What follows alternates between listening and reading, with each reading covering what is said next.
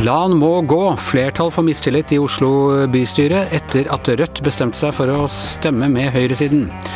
Og stabilt på målingene før sommerferien. VG har ny måling i dag. Dette er Gjever og gjengen. Det er tirsdag den 15. juni, og det er vindkraftdagen, eh, Tone Sofie Aglen. For noen få år siden var vindkraft det var noe sånn veldig positivt som vi liksom skulle leve av en gang. Etter oljen? Etter oljen i fremtiden. Og nå er det, det er blitt en vanskelig ting det også i Norge. Ja, jeg tror ikke man står med bunader og norske flagg og hyller vindmøllene der ute langs kysten på denne dagen, nei. Nei, og heller ikke ut i havet. Altså det er jo Vi skal ikke ha det der heller.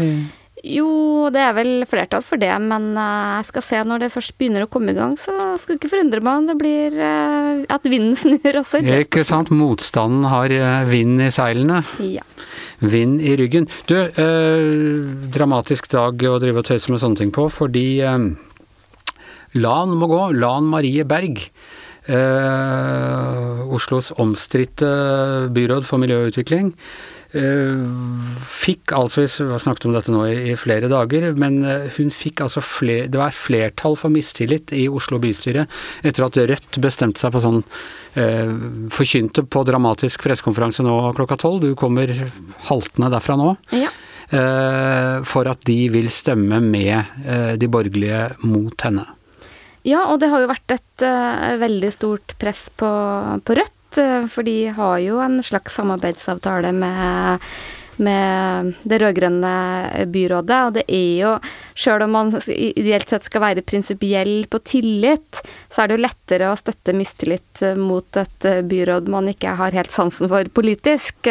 Sånn er det nå ofte. Så jeg tror nok at mange hadde forventa at Rødt på en eller annen måte skulle backe ut og men, uh, men Rødt er jo et revolusjonært parti, så de, de vil jo og Du ler, men de er jo det. De vil jo kaste om på hele samfunnssystemet, så da kan de vel like godt stemme ned et uh, uh, Arbeiderpartiledet byråd som et borgerlighet?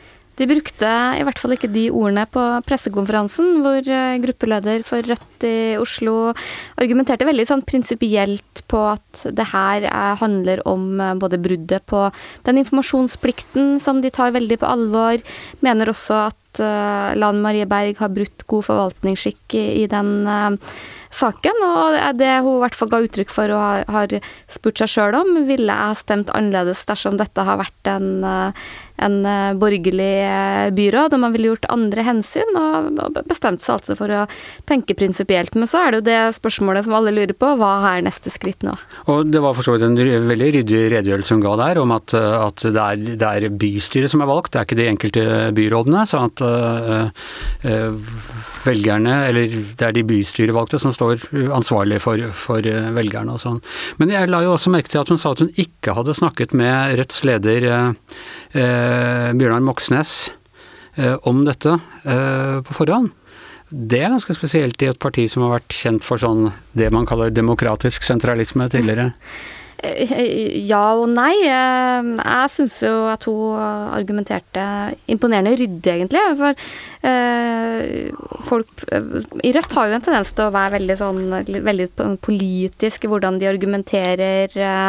Eh, og det gjorde hun ikke, og fikk jo flere spørsmål om det her var forankra med Bjørnar Moxnes, og sa at han har ingenting med Eh, de interne forholdene i Rødt i Oslo. Han, han er partileder og sitter på Stortinget, så Men det kom et spørsmål fra vår tidligere kollega Erik Mosveen om, eh, om, om det ikke var litt spesielt for et leninistisk parti, eller hvilke ord han har brukt. Ja, eh, og det, det, er det jo unektelig. Og så er det jo også sånn at de kommer jo til å stemme for å gå videre i det arbeidet som da er overskredet. Eh, så det er, bare det rent prinsipielle på at de ikke føler seg godt nok eh, informert å gå på. Det er, ikke, det er ikke å stoppe en prosess som blir for dyr for Oslos borgere eller noe sånt. Nei, og, og det er jo litt det, det, kompliserte med å beskrive den saken. For det handler jo ikke om eh, om verken det prosjektet, nytt reservevann til Oslo, som det er brei politisk enighet om, ei heller uh, disse overskridelsene. De kommer jo til å bli vedtatt, men det handler om at byråden De mener at hun bevisst ikke har informert dem på, et, på flere tidspunkt hvor det hadde vært naturlig å gjort det.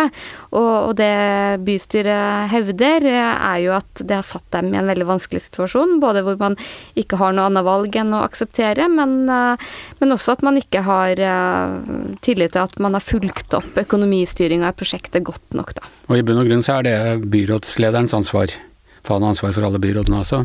Så så lenge byrådslederen backer eh, byrådet sitt, eh, så kan det bety at eh, byrådslederen vil eh, måtte kaste kortene for hele byrådet. Ja, og det er jo det alle sammen lurer på nå, da, hva skjer videre? For det, liksom, det minst dramatiske hadde jo vært om Lan Marie Berg eh, sjøl velger å trekke seg. Eh, det er jo ikke unormalt at en statsråd gjør det når det blåser, sjøl om man Vi mener at man Listhaug. Jeg har alltid syntes at de er to politikertyper som er ganske like. Eh, i både hvordan de framstår, hvordan de argumenterer. Eh, eh også hvordan de provoserer og, og, blir elsket av sine Ja, kanskje litt uvanlig blant blant, eh, blant kvinnene å være såpass eh, Men det er ganske vanlig blant menn?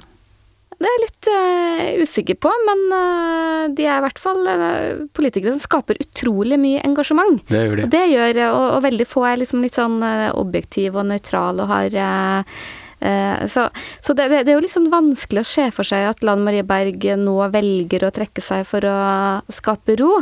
Eh, men det er jo ikke unormalt at en statsråd gjør det, sjøl om man mener at man har håndtert situasjonen på best mulig måte. Hun har jo heller ikke vist noe veldig mye ydmykhet, utover det at hun sier at hun kunne ha informert på et tidligere tidspunkt. Ja, hun har en lang Facebook-post ja. Facebook ja. i dag hvor hun stort sett sier at hun, hun kunne ikke uh, gjort noe annerledes. Men så er det det pragmatiske bakteppet her, er jo at uh, Lan Marie Berg Solbergs eh, dager i Oslo-politikken er jo uansett uh, talte fordi hun er førstekandidat på stortingslista. Og det er sikker plass?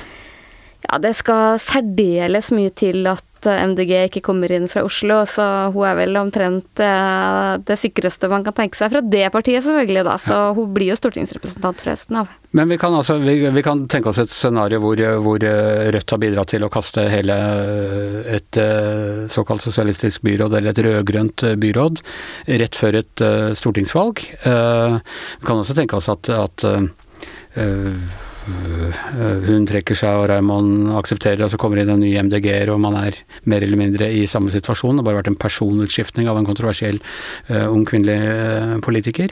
Men hva tror du det får å si for samarbeidsklimaet? Altså disse partiene, Rødt uh, ligger nå an til, vi skal over på måling her, og snakke om måling her etterpå, men Rødt ligger jo an til å gjøre et ganske godt valg, komme over sperregrensen og rase inn. Kan bli en del av det parlamentariske grunnlaget for en rød-grønn Eh, regjering. Hva tror du en sånn sak rett før eh, et stortingsvalg får å si for samarbeidsklimaet? Tror du det vil påvirke i det hele tatt?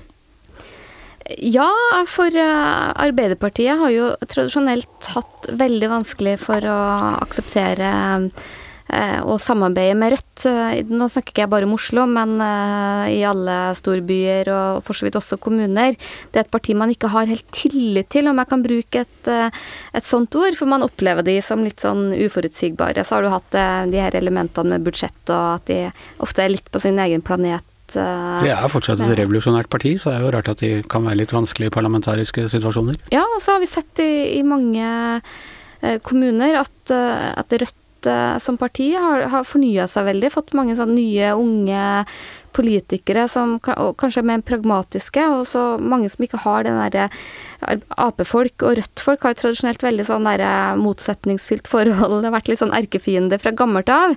Og, og, det har jeg sett litt sånn tendenser til at, at, det er litt sånn historisk. Nå er det liksom nytt hvor de har mer respekt for hverandre og, og samarbeider eh, bedre.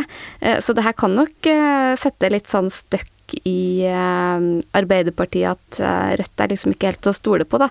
Samtidig så syns jeg jo at uh, Rødt her har opptrådt veldig prinsipielt, men, men, men, historien ut til velgerne tror jeg er krevende. For jeg tror akkurat det her med informasjon knytta til eh, bystyret. Det her Og for noe man vil stemme for til syvende og sist uansett? Det tror jeg veldig få er veldig opptatt av. Hadde det vært at de ville stoppe dette her, ikke sant? vi skal stoppe ja. dette vannprosjektet, så, så, kunne man forstått det. ikke sant? Så dette er, dette er en veldig sånn teknisk greie som handler om tillit og sånn. Som, så jeg tror nok at den store, den store hopen ser, er på en måte at Lan Marie Berg blir ofra og blir sånn hakkekylling. Hvis man ser med de brillene, hvis man er mer kritisk til henne, så, så tror jeg man vurderer det veldig annerledes, da. Men uh, hvordan det her påvirker Rødts oppslutning, det er ikke godt å si. Nei, det er en uh, det er for oss som jeg holdt på å si, for oss som er mer opptatt av spillet enn av innholdet i politikken, så er jo dette en veldig interessant, interessant Ja, og så vet vi jo heller ikke Det er vel det alle prøver å finne ut nå, hva Arbeiderpartiet tenker. Om de vil, om de vil si til Anne Marie Berg at du må gå. Hvordan det vil påvirke forholdet mellom Arbeiderpartiet og MDG i Oslo. Det er jo kjempeinteressant, for det er jo to partier som har samarbeidet tett, og Arbeiderpartiet er jo veldig avhengig av MDG. Det er jo det ene, og det andre er jo om Raymond Johansen velger å stå last og brast med henne og, og stille kabinettspørsmål.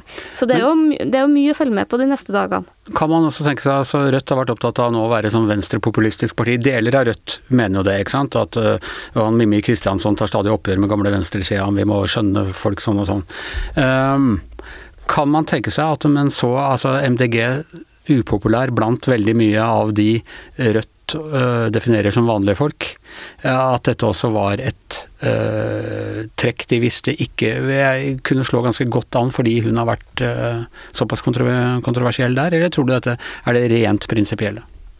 Ja, mitt inntrykk er at Rødts gruppeleder har vært veldig prinsipiell i i vurderinga av den saken, så tror jeg nok at det er et bakteppe her. At de eh, opplever eh, Lan Marie Berg som en byråd som kanskje ikke er den som er mest opptatt av å forankre eh, ting inn mot eh, opposisjonen og samarbeidspartier. At det også handler litt om hennes stil, ikke om hennes politikk, men, men hun er nok en av de mer nå driver jeg leter litt etter å finne et uh, riktig ord, men, uh, men, kanskje ikke den som blir oppfatta som enklest å samarbeide med, og heller ikke av den mest ydmyke sorten byråd, da. Nei. Hun har vilje til makt, det er Definitivt. det ikke tvil om. Jeg har ikke sett på maken til noe parti, egentlig, i min levetid som har gått inn med sånn virkelig Stort sett så blir det jo liksom at de ikke får gjennomført alle prosjektene sine. men både hun og for så vidt altså Sylvi Listhaug, det er en helt egen egen vilje til makt. Du, uh, dette var spennende. Den som ikke er så spennende, det er meningsmålinga vi har fått i dag. Det var litt av en overgang, det. Ja, ja. Uh, den er mer eller mindre eh, stabil. Ja, det er det de på desken ville kalt en kjedelig meningsmåling. Og for den er veldig lik de tallene vi hadde for en måned siden. Så regner jeg med at alle våre lyttere husker nøyaktig hvordan det var. Det betyr at Høyre svekkes øh, fremdeles?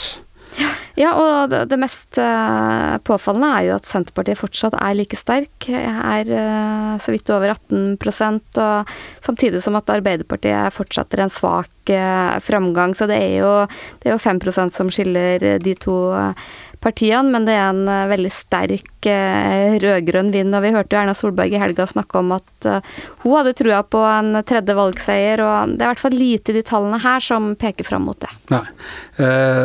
og ja, det blir, det blir, spennende. Altså, det ser ut som de Høyre har mista grepet, eller på hele den hva skal du si, den gevinsten de kunne innkassere for koronahåndteringen lenge. Det har opplever jeg, dette er helt sånn legmannsvurdering, men eh, det har glippet siden den famøse sushimiddagen i vinter? Ja, eh, det skjedde noe da, og, men, men så er det det, det, er, eh, det, er, galt for Høyre, men ikke så galt heller, som den sier, den derre haren i, oh, i eventyret. Det var ikke så galt heller, for det fulgte en ja. Fordi de ligger oppe sånn 21-22% på målingene, og det var enkeltmålinger som viste Høyre ned på 18% Så helt kollaps er det ikke, men at de har mista det, det, betydelige forspranget de hadde, eh, det er det ingen tvil om. Og at Arbeiderpartiet har gått forbi dem som landets største parti. Og så er det litt sånn Hvorfor skjedde det her? Og det, eh, mange peker på at uh, Erna Solberg og den sushi-episoden, at hun mista litt sånn sin autoritet vaksiner har fått veldig mye av skylda, både med disse skjevfordelingene som uh, uansett hva man gjør, så blir det kritikk uh, et eller annet sted. Men også de politikervaksinene uh, har liksom vært tre sånne saker som har ødelagt litt autoriteten deres. Men jeg ser heller ikke bort fra at det er litt sånn stemningsskifte i befolkninga. For Eh, hvis du går bare en del måneder tilbake, så var folk mye mer redd. De var satt liksom mer sånn klistra til pressekonferanser og fulgte med på hva Bent Høie hadde å si i dag. Jeg opplever ikke at folk er, like bekymra og opptatt av hva som er regjeringas budskap. Så det kan hende at det ikke nødvendigvis har så mye med, med de her feiltrinnene å gjøre, men at det handler mer om at vi er på et litt annet sted, og den der veldig høye effekten man hadde når folk var redde og samla seg rundt eh, regjeringa, at den uansett ville avtatt. Vi titter fram fra skjørtene til, til Erna Solberg igjen. Eh, vår sjef eh, Hanne Skartveit var på et program på mm, NRK P2 som heter Politisk kvarter. Ja, det har jeg aldri hørt om. De har podkast òg.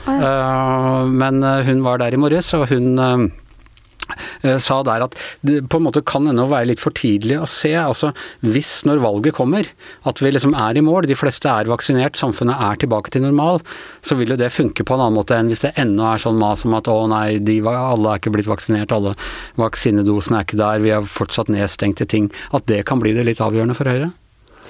Ja, jeg er i hvert fall veldig enig med Hanne at jeg tror det er altfor tidlig å vurdere hva som vil prege valgkampen. Vi har jo sett uh, flere ganger at stemninga i norsk politikk skifter usedvanlig fort.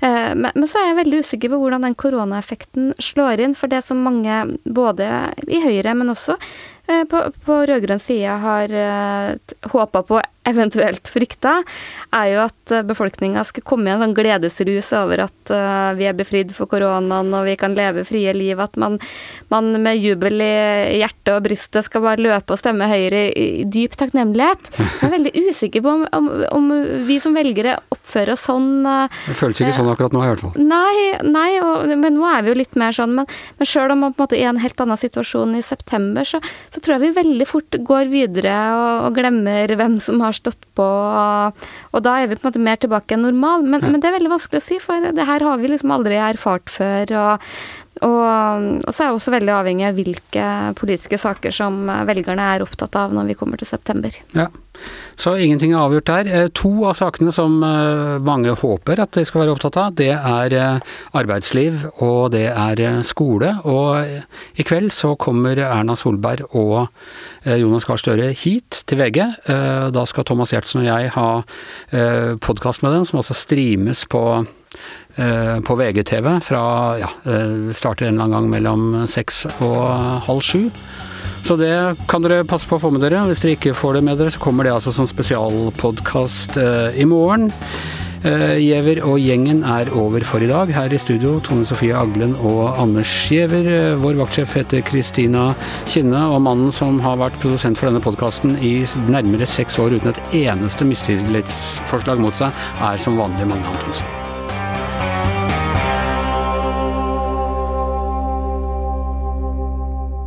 Du har hørt en podkast fra VG.